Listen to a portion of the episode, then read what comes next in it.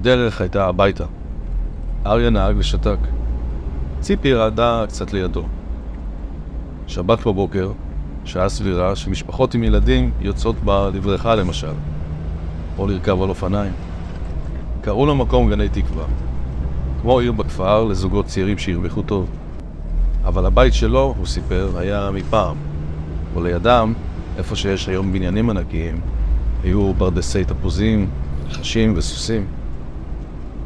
הוא היה בגיל של המדינה, כמו שאהב להעיד על עצמו, מה שהזכיר לה כמה הוא לא דומה לה, למדינה. כמה הוא חלום אירופי עדין שנשבר פה לפני שנים רבות. הם נסעו כל הזמן ישר, היא שמה לב. הנוף התנקה מהצפיפות החונקת ושדות וחולות שעוד לא בנו בהם. הופיעו פה ושם. הם התקרבו לקצה היישוב שלו. בחרת כבר מה תשאירי היום? עוד לא יודעת. עוד לא יודעת אם אני רוצה לשיר. בטח שתשאירי, הבטחת למיכל. אריה, אל תתחיל. היא החלה לשיר רק לפני מספר שנים, שלוש בערך, אחרי שיצאה לפנסיה. מדי חודש התקיימה הופעה בהיכל התרבות של ראשון לציון, והיא שרה שם במקהלה של מיכל. לפעמים קיבלה סולו. אריה עמד וצילם, אדום מהתרגשות, לפעמים חשבה שיותר ממנה. ואחר כך ערך ושלח במחשב לחברים. כל פעם מחדש ביום כזה של הופעה התיישבו אצלה פרפרים בבטן, כאלה שפחדו לעוף. אריה ידע איך לגרום להם לעוף. הם נכנסו לרחוב צר מאוד של בתים פרטיים לא מפוארים. הוא חנה ליד הבית שלו, בית נמוך ומוסתר בין העצים.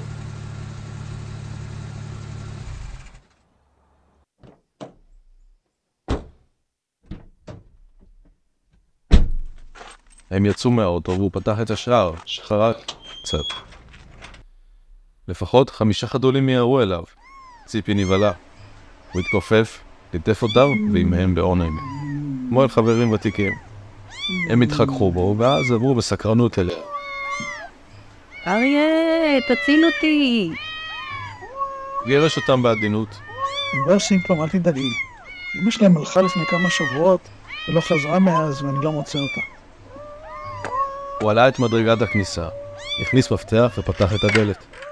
היא נכנסה אחריו. הבית היה מוחשך ושקט, כאילו שהוא כבר לא התעורר, היא חשבה. במסדרון חיכה טור של ארגזים חומים. הוא הוציא החוצה קערת חלב גדולה עם חתיכות חלב בפנים. אריה, במה לעזור? אה, צריך לעבור על הבגדים. נעבור על הבגדים. לראות מה אפשר למסור? כן. אוקיי, מה עוד? ויש את הדברים פה בארגזים. כל החומר הרפואי בשביל הספר. אולי אם את יכולה תעברי עליהם, תראי מה אפשר לזרוק. אני לא יכול, אני הולך לאיבוד כשאני מתחיל. אין בעיה. אני אסתכל ואראה לך לפני שאני זורקת. אני בחוץ. הוא הודיע ויצא, משאיר אותה עם הרמזים בחייו. סוף המסדרון היה פתוח חדר עם מיטת יחיד. פוסטר של ספרות זולה, במדף ספרים וקסטות לטייפ. כנראה החדר של הבן שהתאבד, היא חשבה. ואז היא ראתה אותו דרך החלון בחצר. חצר לא גדולה, אבל נדמה היה לה שמישהו טיפל בה פעם היטב. האריה הסתובב שם בחול, עם חתולים בין השתילים, ושם מקל באדמה, שיתמוך באחד מהם. השתילים שלה, היא חשבה. הנה העגבניות, איפה הוא ימצא טעם כזה? יש למשפחה גם צד השני. היא שמעה אותו פעם אומר כששאלו אותו אם הוא פוחד למות. אחר כך הוא ניגש לשולחן גדול ורחב מעץ סדוק, עם רשת פינג פונג נפולה באמצע. הוא לקח מתקה, התכופף, והרים כדור פינג פונג שהצהיב, והגיש אותו כמו משחק, לצד השני. הכדור קפץ על סדק בצד השני של השולחן, שינה כיוון ונחת בלי תשובה בחול. לפתע פרץ אל החצר תרנגול והחל לנקר את הכדור הצהוב. נדמה היה לה שיש לו רק עין אחת. להם!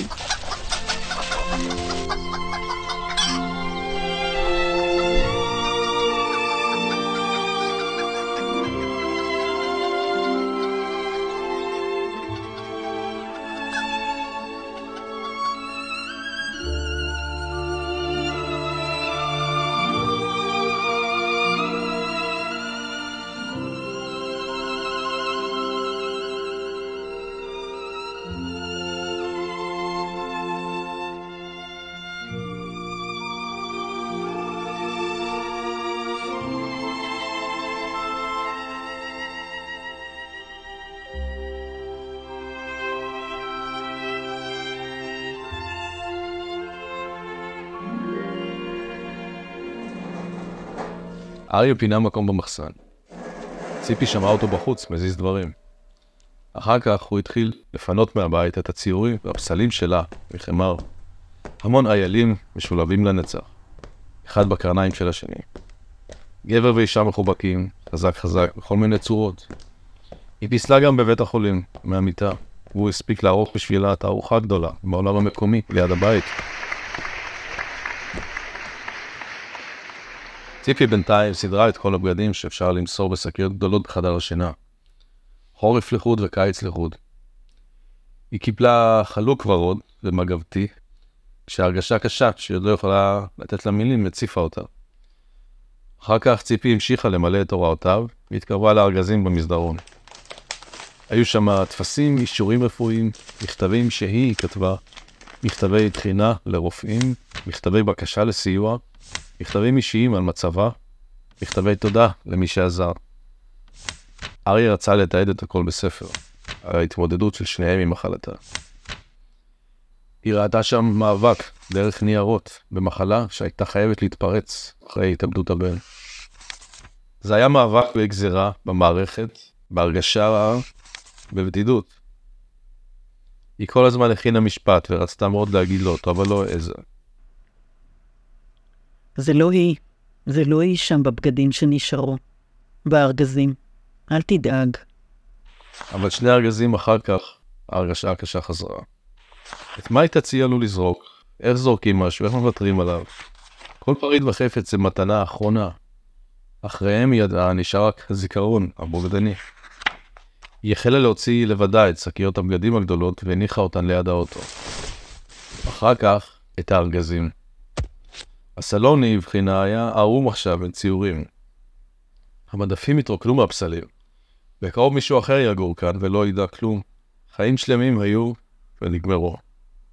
אריה עמד עם ציור שמן גדול בידיו, גבר מזוקן כמוהו, רק צעיר יותר, אישה וילד, רחצו באגם מאושרים.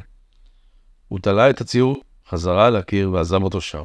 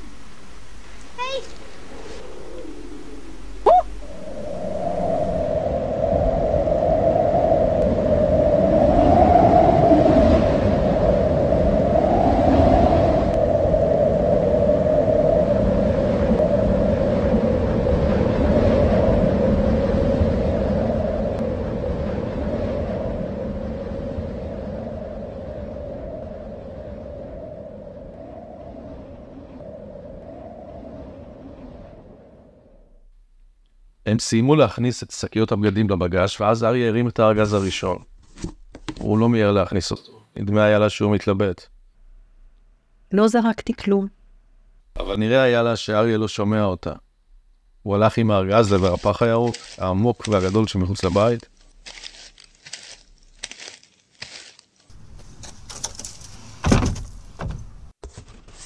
והניח את הארגז בפנים. כך עשה גם עם השני.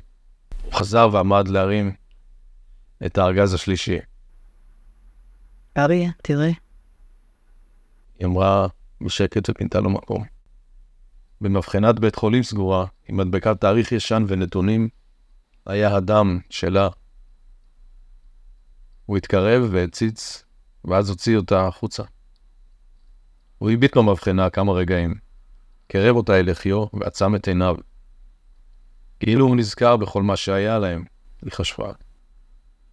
ואז הוא החזיר אותה לארגז, הרים והניח גם אותו בתוך הפח.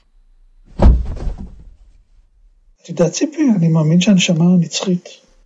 הוא אמר כשחזר. הם נכנסו לאוטו ואריה התניע. היא הביטה לעבר הבית, בפעם האחרונה אולי.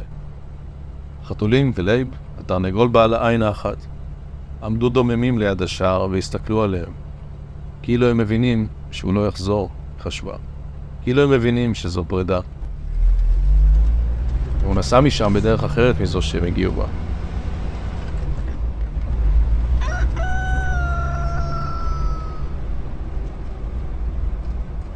השתיקה שוב ליוותה אותם. היא הייתה נכונה לרגעים האלה, היא חשבה. אבל כאילו בלי קשר למה שנכון ומתבקש ועדיף, בלי קשר לכוחותיה ולהפתעתה הגמורה, היא שמעה את עצמה שרה פתאום. את השיר שביקשה כל כך ממיכל לשיר הערב. היא שרה לו ובשבילו, מעמקי נשמתה, כמו באהבה. הוא הצטרף אליה לבית השני. כל גל נושא מזכרת מן הבית, מן החוף, מן העצים יפי צמרת וזהב שלכת בת חלוף. מן העצים יפי צמרת וזהב שלכת בת חלוף.